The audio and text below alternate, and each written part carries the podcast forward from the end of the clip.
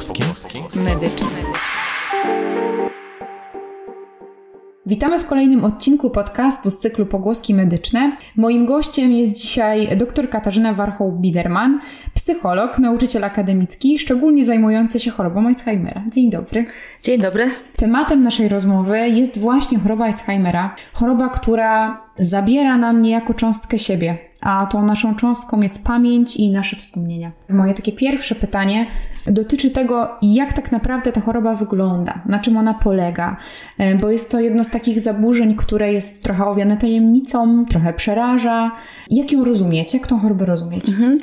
Y, choroba Alzheimera, można powiedzieć, kiedy mówimy o chorobie Alzheimera, musimy zaznaczyć, że jest to choroba w mózgu, ponieważ w mózgu dochodzi do patologicznych zmian. Chciałabym podkreślić, że są to zmiany patologiczne. Choroba czy zmiany w pamięci, które są u chorego, nie wynikają z samego procesu starzenia się, tylko właśnie wynikają z tych, z tych patologicznych zmian w mózgu. W mózgu dochodzi do nadmiernej utraty tkanki mózgowej, dochodzi do tego na skutek odkładania się blaszek beta amyloidowych oraz splątek neurofibrylarnych oraz innych zmian, na przykład zmian w neurotransmisji. I zmiany, jakie zauważamy u chorego, są właśnie wynikiem tych zmian. Oczywiście ta utrata neuronów ma miejsce w szczególnych miejscach w mózgu. Tak wiadomo, że, że w mózgu, mózg ma anatomię funkcjonalną i w mózgu są poszczególne regiony, są odpowiedzialne odpowiedzialne za e, różne funkcje, mają swoje funkcje i na przykład e, w przebiegu choroby Alzheimera najczęściej dochodzi do e, utraty pamięci. Ten najczęstszy wariant choroby Alzheimera właśnie polega na utracie pamięci, mówiąc skrótowo, i właśnie u osób chorych dochodzi do zaniku hipokampa, który jest taką strukturą mózgową właśnie odpowiedzialną za pamięć. W hipokampie też znajdują się przecież nasze emocje. Tak, prawda? tak. E, jak to się ma do, do choroby Alzheimera? Jak się mają nasze emocje, nasze, e, nasze przeżycia, bo to jednak też część naszej pamięci. Tak. Skoro Alzheimer atakuje przede wszystkim hipokampa, to co się dzieje właśnie z naszymi emocjami? Oczywiście choroba ma wpływ na, na nasze emocje, ma wpływ na kontrolę emocji, na kontrolę naszych zachowań. Y, choroba, y, choroba tutaj szczególne, może możemy zauważyć, że u chorych y, bardzo często narasta lęk, czy obniżenie nastroju, tak właściwie niekoniecznie depresja, ale znacznie częściej jest to apatia, są, są, takimi, są takimi bardzo ważnymi objawami w tej chorobie, aczkolwiek nie wiadomo dokładnie, co jest przy przyczyną tej apatii czy depresji. Badania na, na ten temat właściwie w dalszym ciągu trwają, ale należy, można zauważyć, że lęk może również wynikać z tego, że świat dla chorego staje się coraz mniej zrozumiały. Pewne rzeczy, które dla nas są jasne, na przykład to, że samochody jadą szybko, że ym, słyszymy karetkę pogotowia i która y, i syrenę karetki pogotowia jest dla nas zupełnie jasne. Dla nas jest zupełnie jasne, że jeśli słyszymy głos osoby, to myślamy się, że ten głos dochodzi z radia. Niestety chory na skutek tych zmian w mózgu nie jest w stanie do takich wniosków dochodzić. Może to prowadzić do lęku, ale ten lęk może być związany po prostu z coraz mniejszym rozumieniem, rozumieniem świata. Na początku, jednak tutaj trzeba powiedzieć, że choroba, y, ta choroba jest bardzo długą chorobą i te objawy y, nie zmieniają się czy nie narastają w ciągu tygodni czy w ciągu dni tylko narastają w ciągu miesięcy, czy też nawet lat.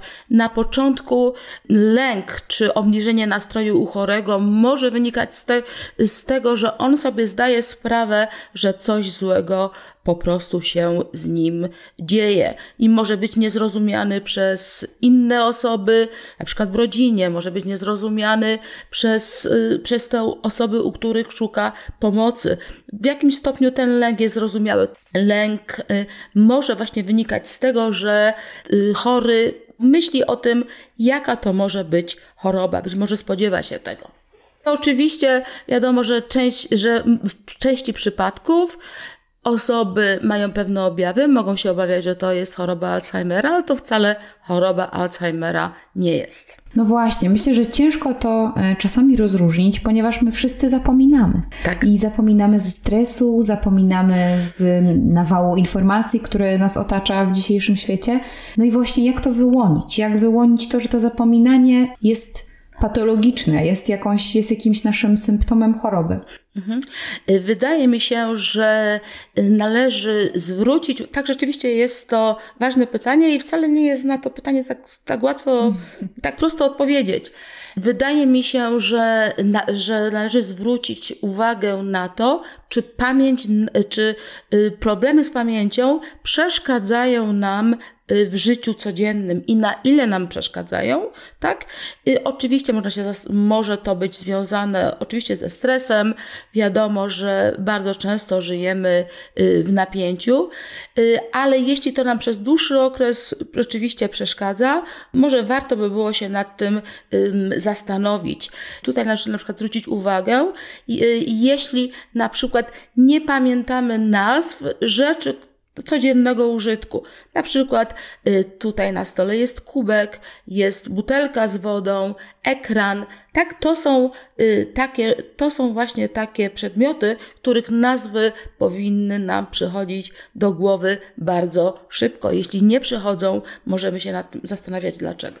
Ale oczywiście przyczyny mogą być różne. To nie jest powiedziane, że to jest choroba, y, że to jest jakakolwiek choroba w ogóle. Czyli dobrze, że jeżeli nie pamiętamy urodzin, to jeszcze nie jest tak źle, dat urodzin, ale tak. najważniejsze jest to, żeby skupić się na tych nazwach najprostszych spraw, najprostszych rzeczy. Wydaje mi się, że tak, że y, tak ogólnie rzeczywiście na ten, na ten temat trwa, trwa dyskusja.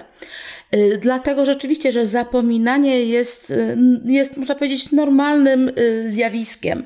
Zapominanie może również wynikać na przykład z leków, które, które, które, chory, które osoby biorą. I dlatego, I dlatego na przykład, jeśli pacjenci zgłoszą się do lekarza, to, to reguła jest taka, żeby, żeby dowiedzieć się, jakie leki pacjent bierze, tak i ewentualnie zmienić je, żeby sprawdzić, jak to, jak to będzie wpływało na sprawność poznawczą, też na pamięć tej osoby.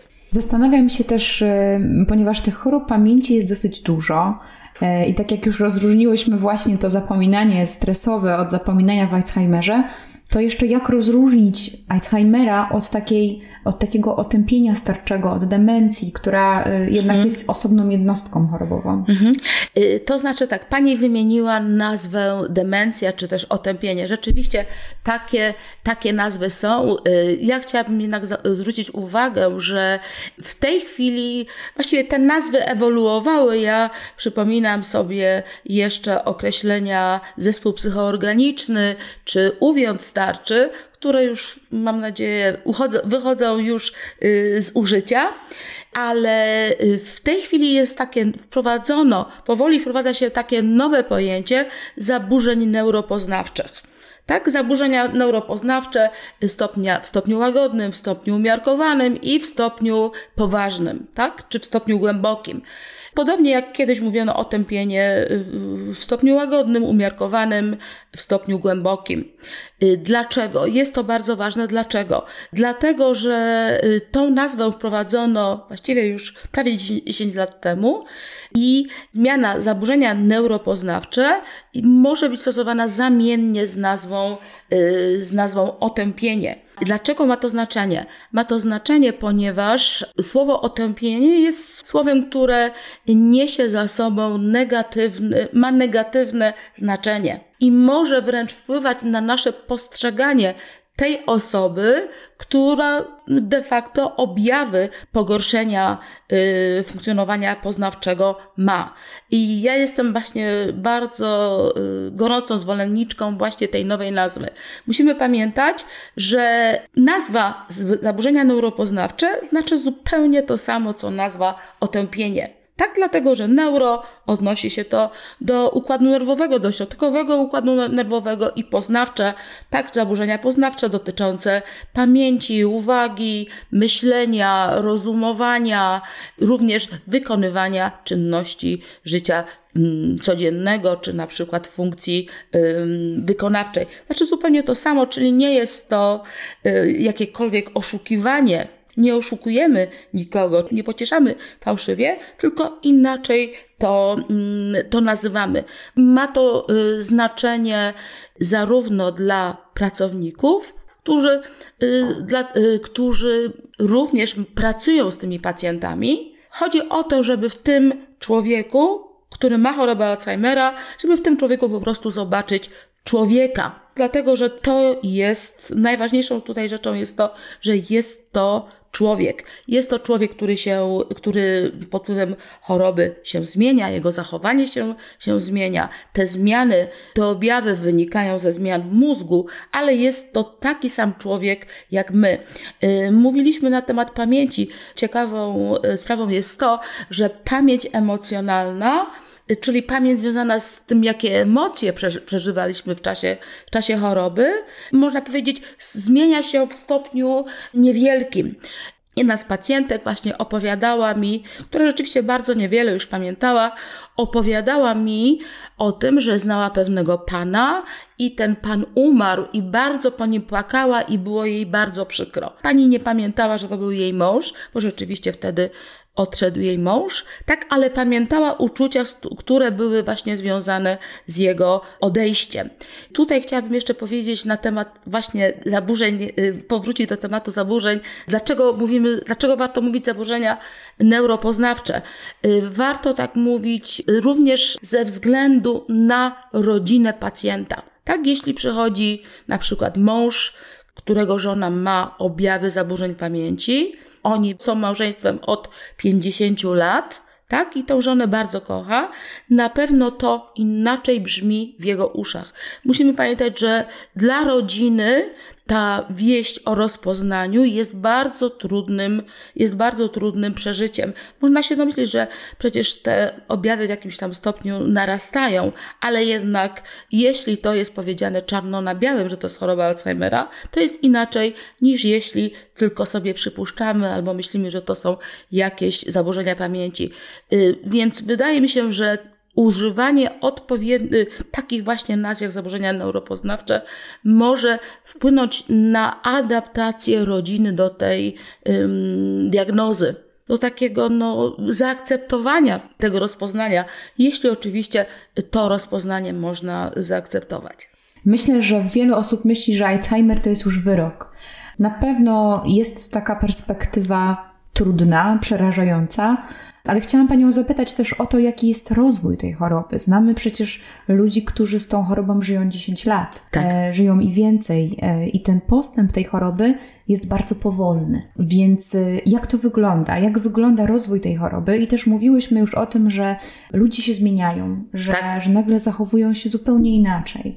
I teraz y, bardzo się słyszy też o tym, że ludzie zaczynają być agresywni, podczas gdy nigdy wcześniej nie byli. Jak to, jak to wygląda i na jakim etapie rozwoju tej choroby możemy spodziewać się zmian osobowości? Tutaj Pani poruszyła kilka ważnych y, tematów. Tak jak się pierwsze pytanie dotyczyło, jak się choroba rozwija, i było pytanie na temat, y, na temat agresji. Tak jak Pani zwróciła uwagę, choroba Alzheimera należy do tak zwanych chorób długich. Ja nie jestem pewna, czy to jest określenie medyczne, ale y, pamiętam, że kiedy zainteresowałam się tą chorobą, nazwa choroba długa została użyta, więc być może jest to, jest to rzeczywiście nazwa, nazwa medyczna. To znaczy, rzeczywiście trwa bardzo długo. Ta choroba jest również y, chorobą podstępną. Oznacza to, że objawy pojawiają się, pod, się podstępnie, tak jak powiedziałam, zmiany są jakby z miesiąca, z, z miesiąca na miesiąc, czy z roku na rok. W tej chorobie jest również bardzo długi okres bezobjawowy. Ten okres bezobjawowy trwa około 15 do 20 lat tak się ocenia. Polega to na tym, że mózg zaczyna się już zmieniać, pojawiają się te blaszki beta-amyloidowe i zwyrodnienie neurofibrylarne, ale ten chory, ten człowiek właściwie nie ma o tym pojęcia. Tak, większość tych chorych nie ma, nie ma o tym y, pojęcia, dlatego że większość przypadków to są przypadki idiopatyczne, czy też przypadki, y, przypadki, gdzie przyczyn choroby nie znamy. Oczywiście inaczej jest, y, jest w przypadku osób, u których choroba ma podłoże genetyczne, ale to są, to są rzeczywiście, takie przypadki są rzeczywiście bardzo rzadkie i dotyczą osób z tą wczesną, z wczesną postacią choroby, o której o której będziemy mówili y, potem. Także jest to choroba bardzo, bardzo długa. Y, I wtedy, kiedy po y, tym etapie bezobjawowym, gdzie właściwie ten, ten etap nazywa się bezobjawowym, ale przypuszcza się, że pewne minimalne, takie no, prawie niezauważalne zmiany są. Tak są zmiany dotyczące y, odczuwania zapachu, odczuwania smaku, y, są pewne zmiany w pamięci y, epizodycznej, czyli w pamięci dotyczącej y, różnych wydarzeń naszego życia. Istnieje istnieje hipoteza, że to znaczy przypuszcza się, że chorzy mogą również mieć pewne trudności z zapamiętywaniem twarzy. Ale generalnie jest to, nikt na takie, na takie mało ważne objawy nie zwraca uwagi w życiu codziennym. I rzeczywiście, tak jak pani zwróciła uwagę, ta choroba wygląda zupełnie inaczej u każdej osoby. Ja muszę powiedzieć, że również y, to, na to zwróciłam uwagę. To wynika z kilku przyczyn. Y, jedna przyczyna jest taka, że my bardzo często mamy do czynienia y, z tak zwaną typem mieszanym zaburzeń neuropoznawczych. To znaczy, pacjent ma chorobę Alzheimera, tak, ale no znaczy w mózgu są, y, jest wyrodnienie neurofibrylarne i blaszki, ale są jeszcze, jeszcze zmiany charakterystyczne dla innych typów tych chorób neurozwyrodnieniowych. Na przykład y, są zmiany w naczyniach, tak? Jest, jest choroba naczyń mózgowych, tak zwana arterioskleroza, albo na przykład jest taka jeszcze mniej znana i jeszcze bardziej tajemnicza choroba, która nazywa się chorobą z ciałami Lewiego. Także uważa się, że my, nie, że my raczej rzadko mamy do czynienia z, taką, z takim czystym przypadkiem choroby, choroby Alzheimera. Mówi się również, że jest kilka chorób Alzheimera, nie jedna. Tak jak wspomniałam, ta choroba ma wiele wariantów, ale my mamy najczęściej do czynienia z tym wariantem amnestycznym. Innym czynnikiem, który może mieć wpływ na, mm, na przebieg choroby, może być tak zwana rezerwa mózgowa. Rezerwa mózgowa jest związana z wykształceniem, z zainteresowaniami intelektualnymi, z tym, czy czytamy książki, czy uczymy się języków, czy mamy przyjaciół, na ile interesujemy się światem, na ile chcemy, y, chcemy powiększać naszą wiedzę na różne tematy. Tutaj chciałabym powiedzieć o takim bardzo ciekawym, y, ciekawym y, właśnie badaniu. To było badanie przeprowadzone wśród sióstr zakonnych Stanów Zjednoczonych. I to były właściwie, to była właściwie seria badań, to były badania długotrwałe. Pierwsze badanie się nazywało The Nun Study, a drugie badanie się nazywało The Religious Order Study. To badanie polegało na tym, że te siostry zakonne y, na początku, oczywiście warunkiem uczestnictwa w tym badaniu było oddanie mózgu do badania po śmierci. I te zakonnice co pewien czas były badane za pomocą y, różnych testów oceniających ich pamięć, myślenie, uwagę, Jednocześnie oczywiście, do, o, oczywiście y, pyta, zadawano im pytania dotyczące codziennej aktywności, liczby przyjaciół, tego jak ogólnie wyglądało ich życie, na przykład czy były osobami zorganizowanymi, czy nie. Oczywiście pytano się ich również na temat poziomu wykształcenia. W badaniu pośmiertnym okazało się, że u wielu z tych zakonnic były zmiany świadczące o, y, o chorobie Alzheimera, czyli były zarówno blaszki, jak i zwyrodnienie neurofibrylarne, ale tylko u niektórych zauważalne były y, w czasie, w ciągu życia, tak kiedy jeszcze żyły, zauważalne były objawy typowe dla choroby Alzheimera można powiedzieć, te zakonnice funkcjonowały bardzo dobrze, tak, mimo że właściwie w tym mózgu były, były typowe zmiany. I to właśnie doprowadziło do rozwoju ta, tej hipotezy rezerwy poznawczej. Rezerwa, właściwie nie wiadomo dokładnie, jak ta rezerwa poznawcza się w naszym mózgu tworzy, ale generalnie to chodzi o to, że poprzez ciągłą stymulację mózgu, w związku z tym, że się uczymy, że interesujemy się światem, nasze neurony, nasze sieci neuronowe i nasze synapsy są mocniejsze. Tak bym to powiedziała, mówiąc prostym językiem. I to jest, to jest coś, można powiedzieć, to jest światełko y, na końcu tunelu, dlatego że uważa się, że aktywność poznawcza, uczenie się nowych języków, najlepiej, jeśli są to języki niepodobne do, y, do języka polskiego, y, jeśli te języki, jeśli nauka tych języków wiąże się z nauką, z nauką innego alfabetu, tak na przykład język japoński czy język ukraiński, to może to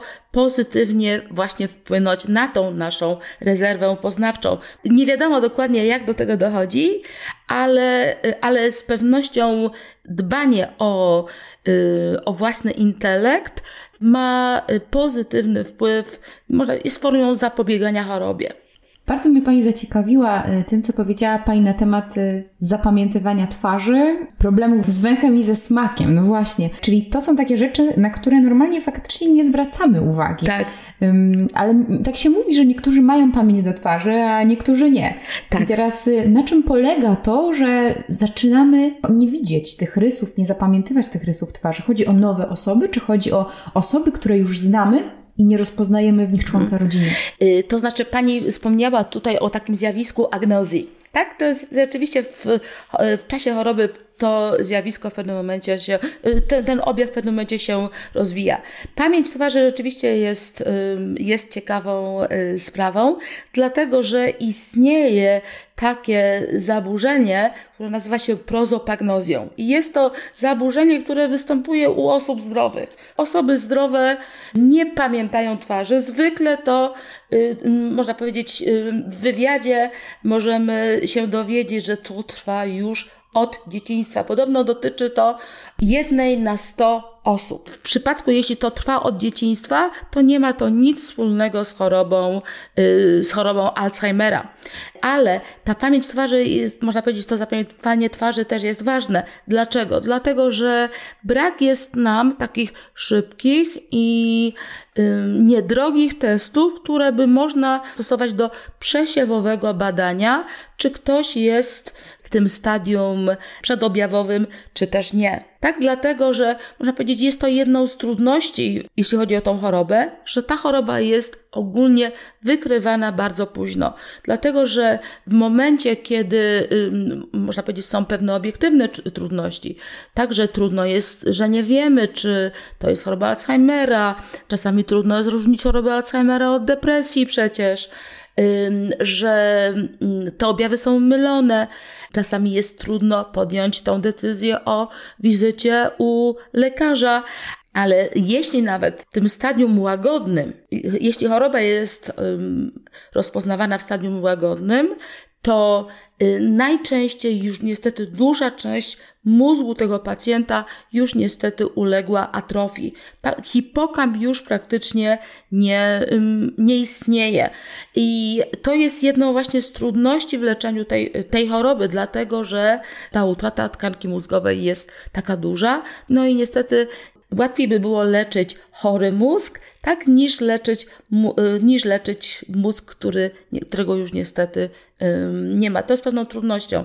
I dlatego tutaj w związku z tym szuka się takich testów i był taki, był pomysł właśnie na taki, na taki tani test, który mógłby właściwie być przeprowadzany oczywiście przez psychologów, przez lekarzy, przez pielęgniarki, przez wielu, wiele osób, które mają pewne zielone pojęcie na temat choroby Alzheimera i na temat tego, jak się bada pacjentów. I ten pomysł polegał na tym, że pacjentom przedstawia się 50 twarzy i niektóre z tych twarzy się powtarzają, a niektóre są te same. I zadaniem pacjenta jest powiedzieć, jeśli jakaś z tych twarzy się, y, się y, zostanie pokazana ponownie. I no niestety ten test na razie nie został wprowadzony do y, takiego użycia, nie jest w powszechnym stosowaniu, ale by to było bardzo, by to naprawdę było bardzo przy, przydatne, by to bardzo pomogło i w diagnostyce i przede wszystkim w leczeniu, dlatego że w tej chwili są dostępne, dostępne głównie leki objawowe, są w tej chwili już zarejestrowane dwa leki przyczynowe, ale y, uważa się, że gdyby pacjenci y, zaczęli brać te leki wcześniej, przyjmować te leki wcześniej, to efekty tego leczenia byłyby znacznie, y, znacznie lepsze. O lekach jeszcze za chwilę y, sobie pomówimy, ale chciałam jeszcze zapytać, Mówimy o tym, jak zapobiec chorobie poprzez rozwijanie się, naukę, tak. Y, poprzez to wszystko, co w mózgu możemy jeszcze wypracować. Czy jest coś takiego jak predyspozycje do tego, żeby tę chorobę nabyć? I teraz mhm. Y, chodzi mi też o to, to, co wspomniałyśmy, czyli też o tą chorobę wczesnego początku, tak. Y, bo to jest choroba, y, która jest dziedziczona.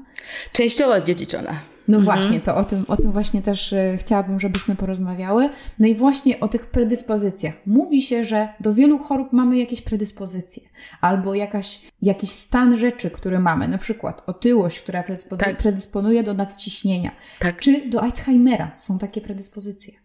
Rzeczywiście takie predyspozycje, takie, można powiedzieć, że do pewnego stopnia takie predyspozycje są. Y, jeśli chodzi o predyspozycje związane ze stylem życia, y, to rzeczywiście tutaj się mówi o, y, bardzo dużą uwagę zwraca się właśnie na, na zapobieganie nadciśnieniu, zapobieganiu hipercholesterolemi, również wysokiemu poziom, poziomowi homocysteiny, cysteiny, która nazywana jest cholesterolem XXI wieku. Y, również y, mówi się o tym, że y, o roli węglowodanów, dlatego że pojawiły się diety, które właśnie mają na celu zapobieganie chorobie Alzheimera czy też zaburzeniom poznawczym.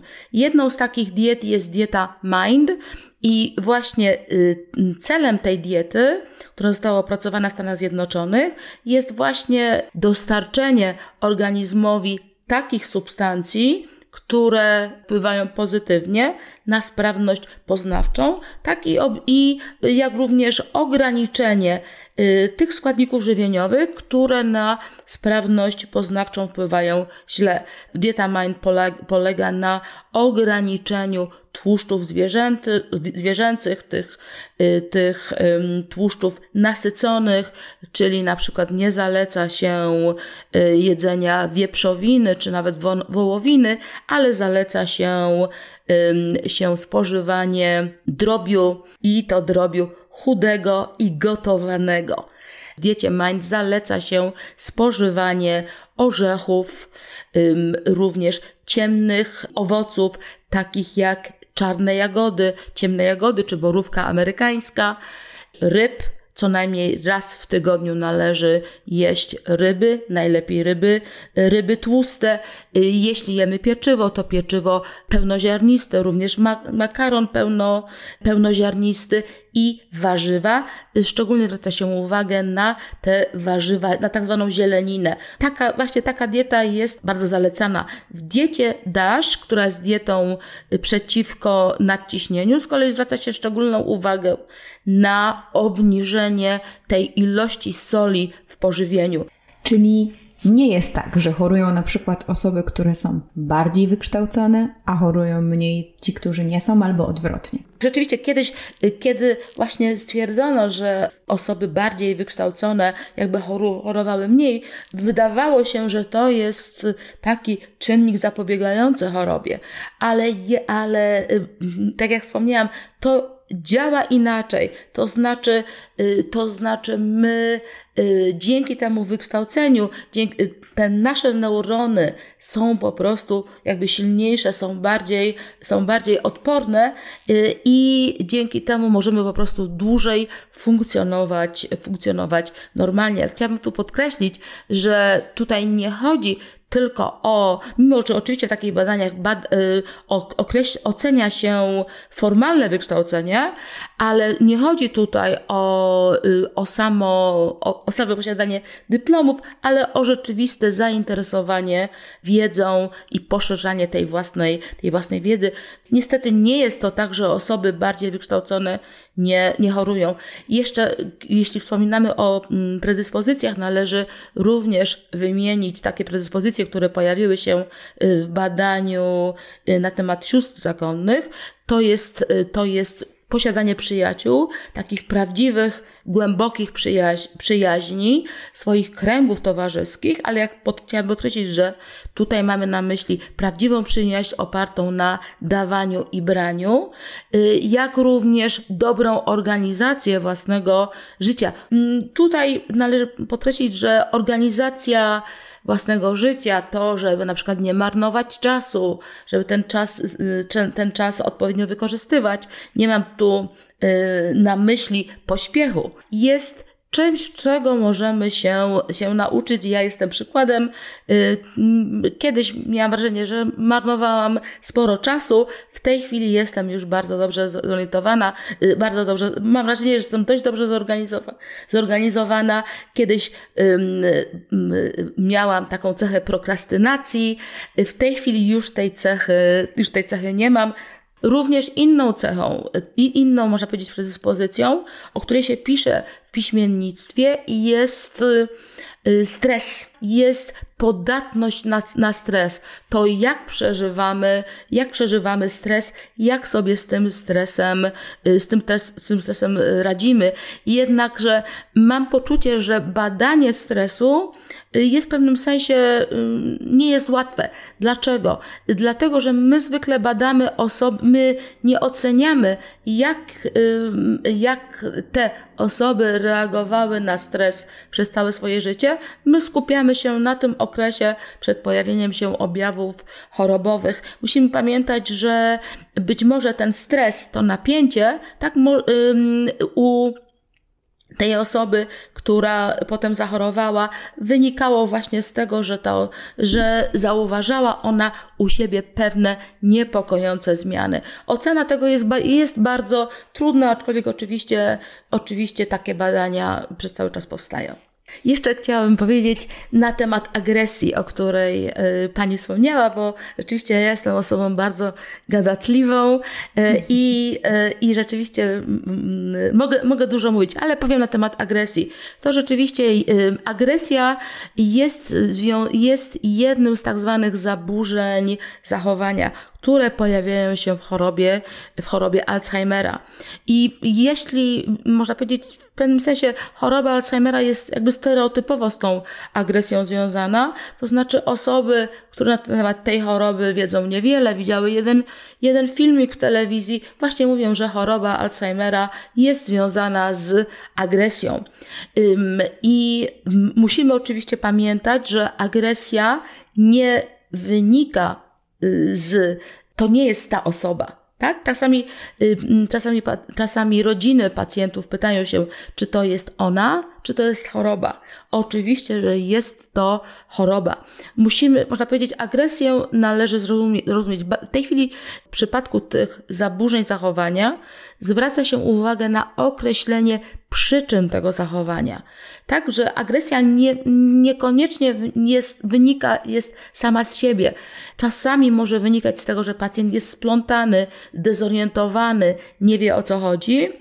Może wynikać, y, y, może wynikać również z tego, że my zachowujemy się w sposób, którego pacjent sobie nie życzy. Na przykład, jeśli Y, jeśli ktoś do mnie mówi y, nieodpowiednim głosem w domu, to ja mówię: Słuchaj, dlaczego tak do mnie mówisz?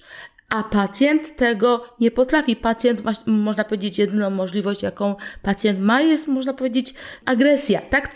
Pacnięcie, mm, pacnięcie kogoś, tak? Uderzenie w rękę czy, czy bok. Zresztą rzadko, kiedy to jest takie mocne, y, mocne uderzenie ale je, uważa się, że jednym y, z ważnych przyczyn, jedną z ważnych przyczyn y, agresji w chorobie Alzheimera może być ból. Musimy pamiętać, że, y, że ta grupa wiekowa jest szczególnie podatna na ból, na różnego rodzaju stany zapalne i w związku z tym, że choroba zmienia ich formę, zmienia ich komunikację ze światem, nie są w stanie powiedzieć, że ich boli. I ta agresja może właśnie wynikać z bólu.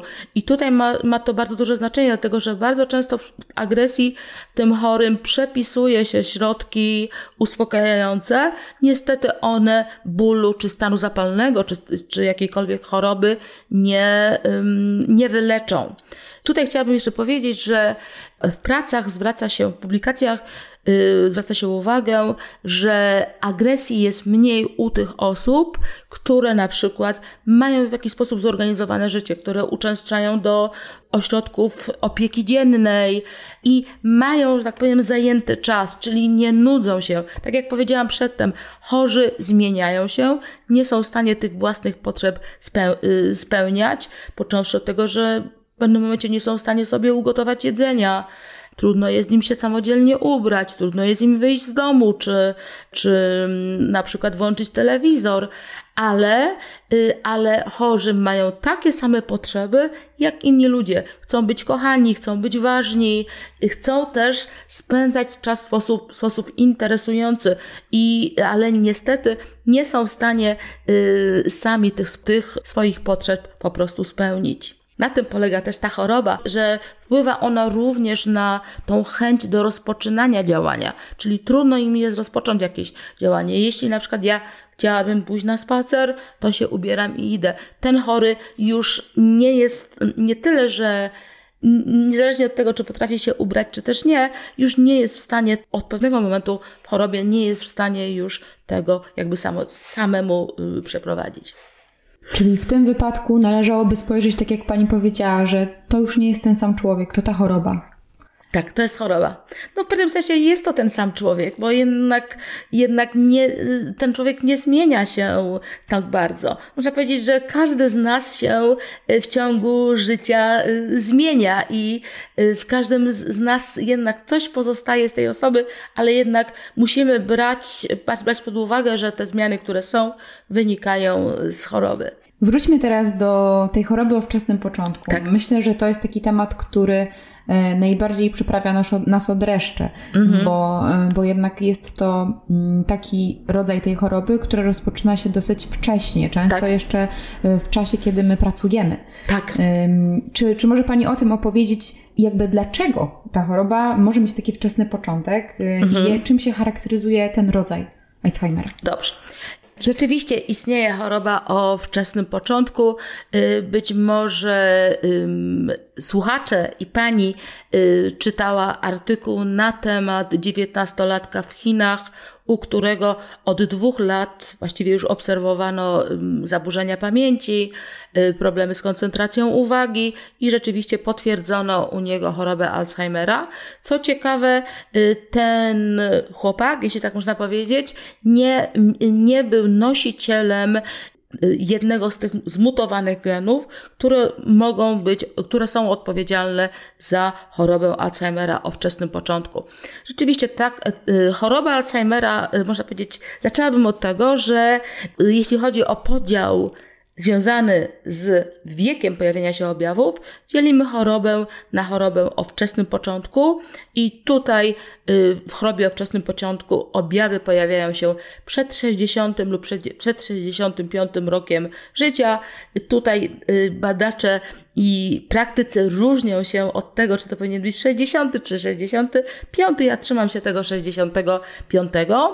Y, I choroba o późnym początku, kiedy te pierwsze objawy są, y, kiedy te pierwsze objawy pojawiają się powyżej tego 65 roku życia. W przypadku choroby o wczesnym początku stwierdzono, że część przypadków tej choroby jest spowodowana przez zmutowane geny. Tak są to, są to trzy zmutowane geny: PS1, PS2 i to są, gen, to są geny odpowiedzialne za, za syntezę presen, preseniliny oraz gen APP i ta genetyczna postać choroby Alzheimera, tak zwana postać rodzinna, jest bardzo rzadka, ponieważ ogólnie choroba, choroba o wczesnym początku stanowi, chorzy y, z chorobą o wczesnym początku stanowią 5% wszystkich chorych i 5% z tych 5% to są osoby z chorobą o, to są osoby z tą postacią spowodowaną przez te zmutowane, y, zmutowane geny. I są to, to, ta choroba pojawia się rodzinnie, jest to gen dominujący, to znaczy, jeśli mój, moja mama czy mój tata jest nosicielem, to wtedy ja mam, to wtedy wiadomo, że oni zachorują i, i ja mam 50% szansy oczywiście na to, że ten gen po nich odziedziczyłam i jeśli ten gen u mnie y, zostanie potwierdzony, Y, przez testy genetyczne wtedy wiadomo, że zachoruje. Praktycznie w 100% wiadomo, aczkolwiek, yy, aczkolwiek opisano w piśmiennictwie taki przypadek takiej pani, która właśnie miała która pochodziła z rodziny, gdzie ta choroba Alzheimera pojawiała się właśnie ze względu na, na ten zmutowany gen w każdym pokoleniu, ale ona w wieku 75 lat, u niej można powiedzieć, takie bardzo łagodne, wyjątkowo łagodne y, objawy tak zwanego łagodnego zaburzenia poznawczego, które jeszcze nie jest chorobą Alzheimera, pojawiły się, y, kiedy miała lat 75. Tak, to już ewidentnie nie jest, to już nie jest choroba o wczesnym początku i tutaj uważa się, że y, ta choroba u niej nie rozwinęła się, dlatego że ona jednocześnie miała dwie kopie też takiej bardzo rzadkiej mutacji innego, y, innej, y, innego genu, znaczy innej mutacji genowej, ApoE3. Gen ApoE jest ogólnie związany z chorobą Alzheimera o późnym początku, a ta mutacja ApoE3 jest neutralna, jak to się mówi, czyli ani nie, ani nie powoduje, że mamy większą szansę, ani, ani nie zmniejsza naszej szansy zachorowania. Ta pani miała taką bardzo rzadką mutację, która się nazywała Christchurch i właśnie dlatego, prawdopodobnie dlatego ta, te objawy pojawiły się u niej tak, tak bardzo późno. Tutaj y, rzeczywiście jest tak, że, y, że ta choroba może się, może, także najczęściej ta choroba ma charakter tak zwany, tak zwany sporadyczny. Tak mówi się, mimo że jest najczęstsza, bo najczęściej nie wynika ona jednak, nie wynika ona jednak z, nie ma podłoża genetycznego, jak nazywa się tą chorobę tę, tą postać choroby chorobą sporadyczną i rzeczywiście nie wiadomo dokładnie, dlaczego ona się, dlaczego ona się pojawia. Ta choroba o późnym, o wczesnym początku zwykle ma bardziej dramatyczny przebieg, także na przykład od, y, ten okres od wystąpienia pierwszych objawów do, takie, do takiego już bardzo poważnego pogorszenia się, utraty samodzielności może trwa, trwać y, wręcz około, wręcz około roku. Czy, czy, warto się, czy warto o tym myśleć, czy warto, czy warto się bać? Wydaje mi się, że nie, bo właściwie no zawsze trzeba mieć, zawsze trzeba mieć, mieć nadzieję. Tak się mówi, ta szklanka jest zawsze do, do, połowy, do połowy pełna. Czy w tym podłożu o wczesnym początku jest jakaś możliwość sprawdzenia tego, czy my mamy ten gen? Oczywiście. Czy takie badania? Oczywiście, oczywiście. To znaczy Y, te testy genetyczne są szeroko y, dostępne. Oczywiście musi być uzasadnienie. Do przeprowadzenia takiego badania musi być uzasadnienie. Z tego co, no oczywiście jest wiele chorób genetycznych i część tych chorób ma charakter recesywny, to znaczy rodzice nie mają objawów. Niestety u dziecka objawy są. Tak jest na przykład przy mukowiscydozie.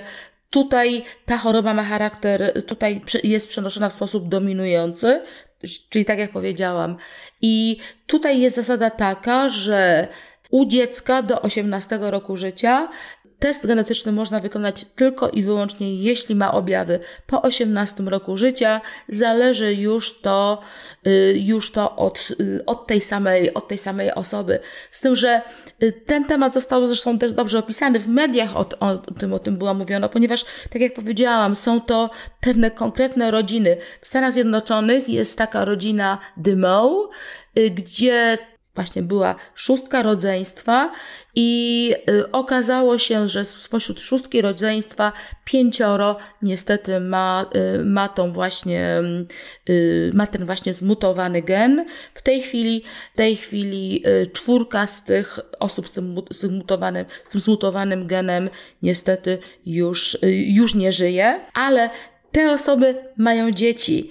E, I te dzieci, i można powiedzieć, że tutaj była taka sytuacja, że oni dowiedzieli się, że e, że są nosicielami tego genu już kiedy byli dorośli. E, I mieli już w tej chwili, już mieli dzieci. I tutaj część z tych osób rzeczywiście wykonała badanie. To jest tak, że część osób chce wiedzieć, czy jest nosicielem, część osób nie chce wiedzieć, czy jest nosicielem. Y, część osób na przykład wykonuje badanie, nie odbiera, nie odbiera wyników, ale to wiadomo na przykład z badań nad y, osobami z y, rodzin, gdzie są w ogóle choroby, choroby genetyczne. I właśnie w tej rodzinie Dymow jedna były córki jednej z sióstr z rodzeństwa, która była nosicielką tego genu, która zresztą już nie żyje. I Jedna siostra nie chciała wiedzieć, druga siostra dowiedziała się, że jest negatywna, y, a trzecia siostra dowiedziała się, że jest pozytywna i ona była jeszcze przed tym etapem, kiedy planuje się dzieci i wtedy po prostu postanowiła, że nie będzie miała y, dzieci, dlatego że nie chce je narażać, nie chce, żeby y, doświadczyły tego samego, co doświadczyła ona sama. Trudno mi powiedzieć, czy to była słuszna decyzja, czy też, y, czy też nie. Być może kiedyś wydawało mi się, że w takim przypadku należy koniecznie się, koniecznie się przebadać, żeby koniecznie wiedzieć, ale w tej chwili już nie jestem, w tej chwili już nie jestem pewna. Być może rzeczywiście należy żyć tak z dnia, dnia na dzień i nie myśleć po prostu o tym, o ile się oczywiście da o tym nie myśleć. Wspomniałyśmy już trochę o lekach i teraz czy poza treningiem mózgu, o czym tak. też już mówiłyśmy i co pozostawiamy słuchaczom do rozwagi, ten trening mózgu, to y, czy są jeszcze jakieś takie farmakologiczne sposoby na może uśmierzenie tych objawów, a może opóźnienie rozwoju choroby? Mhm. Jakiś czas temu mówiło się, że takie leki nie istnieją. A, a jak jest teraz? Proszę Państwa, chciałam powiedzieć, że takim ważnym sposobem, można powiedzieć ważną metodą, która może wpłynąć na rozwój choroby, oprócz diety jest aktywność fizyczna. Aktywność fizyczna ma również wpływ na tą insulinooporność, która jest, która jest powiązana z tworzeniem się blaszek beta-amyloidowych w mózgu. Y, takie leki rzeczywiście są, są to leki objawowe. Y, te leki, można powiedzieć, zostało opracowane już kilkanaście lat temu. Wtedy były bardzo drogie, właściwie niedostępne dla, dla większości osób. W tej chwili już są tanie. Część tych leków jest dostępna w ramach tego programu y, bezpłatnych leków dla osób po 75 roku życia i są to, to leki oddziałujące na neurotransmisję przede wszystkim na neurotransmisję y, acetylocholiny, ponieważ, ponieważ w mózgu osoby z chorobą Alzheimera stwierdza się nadaktywność takiego enzymu, który rozkłada acetylocholinę, acetylocholiny, cholinesterazy i te właśnie leki powodują jakby y, powodują, dzięki, dzięki tym lekom tej acetylocholiny jednak jest więcej. Acetylocholina bierze udział w, w procesach związanych z pamięcią i z uwagą. Oczywiście mówi się również, wiadomo, że są różne różne leki, takie jak, e, takie jak miłożąb japoński, czy ginkgo biloba, czy takie leki poprawiające sprawność poznawczą, których nas nie będę oczywiście tutaj, tutaj wymieniać, poprawiające ukrwienie mózgu, ale ym, niestety one nie mają wpływu na te zmiany patologiczne, które, które y, pojawiają się w przebiegu choroby, choroby Alzheimera. Y, ja wspomniałam na temat homocy, homocysteiny. O tej homocysteinie niewiele się mówi właściwie, ale w pracach właśnie pojawia się, pojawiają się informacje na ten temat. Tutaj część osób, podobno co, to wiem od pani doktor neurolog, y, część osób, y, nie wiedząc nawet, ma zbyt wysoki poziom homocysteiny, ale na ten poziom homocysteiny można wpłynąć poprzez łykanie kwasu foliowego. Czyli leku na pamięć jeszcze nie wynaleziono, nie. ale ta cała reszta tabletek i farmakologicznych spraw e, jest nam w stanie opóźnić ten rozwój choroby. Tak. Proszę Państwa, pamięć również można ćwiczyć i e, powiem tak, że w każdym wieku można właściwie ćwiczyć, ćwiczyć pamięć i to są to bardzo dosyć proste metody. Metody również warto ćwiczyć pamięć, przy, może, może to jest zła nazwa, taka za bardzo techniczna. Y, warto również wspominać z naszymi dziadkami, z naszymi babciami. Tak niewiele osób, y, z tego co mi wiadomo, mm, większość osób nie lubi tych historii, jak to kiedyś bywało, ale y, takie opowieści są też sposobem ćwiczenia pamięci długotrwałej.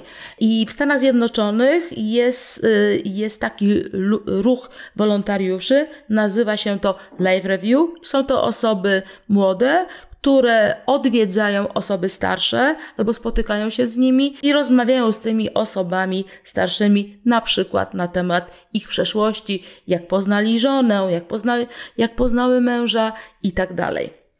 Drodzy słuchacze, rozmawiajmy z naszymi dziadkami, rozmawiajmy z naszymi rodzicami. Na pewno wiele ciekawych historii e, będziemy mogli się dowiedzieć. Ja tutaj wiele historii ciekawych właśnie usłyszałam od pani doktor. A ostatnie pytanie, które chciałabym pani zadać, tak. to w sytuacji, w której obserwujemy u naszego domownika, u naszego rodzica, dziadka, jakieś objawy dotyczące właśnie zaburzeń pamięci, do kogo go skierować? Wydaje mi się, że najpierw warto porozmawiać z lekarzem rodzinnym, być może warto, warto porozmawiać z neurologiem, ale najpierw przede wszystkim należałoby nawiązać kontakt z tą osobą tak co ona o tym myśli. Tutaj jest bardzo ważne właśnie nawiązanie kontaktu, dlatego że wiele osób, wielu, można powiedzieć, osób, które, które podejrzewa u siebie problemy z pamięcią, y, właśnie ma poczucie, że, że są ignorowane przez, y, przez rodzinę. Tak, albo ktoś, ktoś uważa, że to jest nieważne, że właściwie to nie ma żadnego znaczenia. Myślę, że zawsze, zawsze należy reagować. Każde zaburzenie pamięci powinno zapalić nam lampkę. Musimy pamiętać, że, że problemy z pamięcią niekoniecznie wynikają z choroby Alzheimera czy z jakichkolwiek zaburzeń pamięci można powiedzieć, że mogą wynikać na przykład z obniżenia nastroju, z depresji, o której się teraz tyle, tyle mówi. Trzeba pamiętać, że, ta, że obniżenie nastroju jest bardzo częste u osób, właśnie u osób na przykład około tego 65 czy 70 roku życia, ze względu na przykład na, na samotność, ze względu na zmianę trybu życia, yy, ze względu na przejście na, na emeryturę i konieczność reorganizacji własnego życia. To niekoniecznie jest choroba, choroba Alzheimera, ale należy to, może warto to sprawdzić. Moim zdaniem warto. Proszę pamiętać, że, że jednak te leki objawowe, które są, zwalniają w jakiś sposób tą, tą chorobę, spra sprawiają, że, że te objawy jakby narastają wolniej i ten chory dłużej się czuje dobrze. A o to też nam chodzi, żebyśmy jak najdłużej czuli się dobrze i jak najdłużej naszą sprawność umysłu i ciała zachowywali. Bardzo Pani dziękuję za rozmowę. Ja również bardzo dziękuję za zaproszenie, bardzo się cieszę. I mamy nadzieję, że temat ten zostanie u Państwa w pamięci i że dowiedzieliście się Państwo czegoś ciekawego. Ja na pewno. Zapraszamy do kolejnych odcinków podcastu, a na dzisiaj mówimy już do widzenia. Do widzenia, dziękuję bardzo.